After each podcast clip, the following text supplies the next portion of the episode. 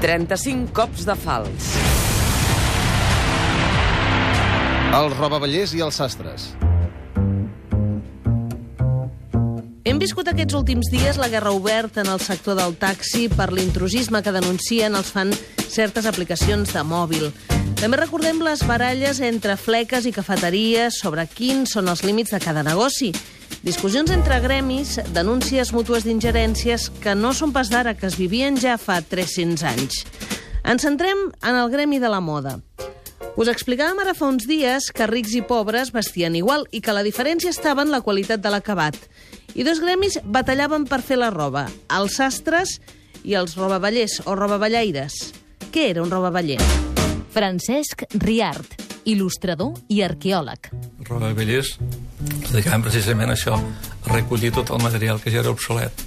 I la roba s'aprofitava molt. Però amb el temps Doncs això hi havia un conflicte entre robavallers i sastres, que els roballers en teoria no podien fer roba per a vendre, sí que feien roba, que ja la tenien feta, i tu anaves allí, te l'emprovaves, i si et parava bé i t'agradava, doncs te la quedaves.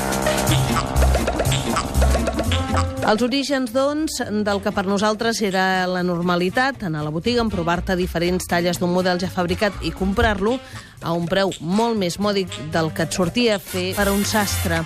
Hem de tenir en compte que el seu mig en aquella època era de 8 lliures mensuals i una casaca, per exemple, de qualitat mitjana, en costava 12. Per això els catalans ens buscàvem la vida i hi havia altres opcions. Existeixen els encants, que es feien al born. Doncs quan un es moria, doncs, passava els seus béns, si els descendents volien, a l'encant públic i es venien a, subhasta. Eh? Doncs tu et podies comprar doncs, una peça que havia sigut bona, que de nou potser no te l'hauries pogut comprar, però amb, amb un bon estat, encara portable per temps, perquè la roba s'aprofitava molt. Llavors fa que tot això va també vestint a classes socials més baixes. Un conflicte entre gremis que va passar a segon terme, per cert, almenys durant el setge de Barcelona per defensar una causa comuna. Sastres i robaballaires van integrar-se a la Coronela, una força armada no professional formada per 4.000 menestrals i artistes dels diferents gremis, que van quedar organitzats en companyies i batallons. Va ser el cos militar que va liderar la defensa radical de Barcelona després que abandonessin la ciutat les tropes regulars aliades.